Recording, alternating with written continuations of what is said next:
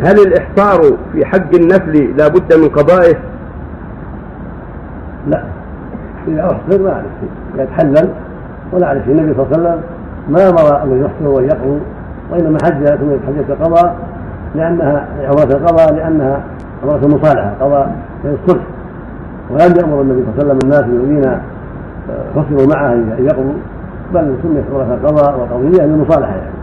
فلا يلزم إذا أحصر ولا يمنع من دخول مكة فإنه ينحر هديه ثم يتحلل ولا وليس عليه قضاء لأن النبي صلى الله عليه وسلم نحر هديه وحلق رأسه ولم يأمر الناس بأن يقضوا هذه العمرة.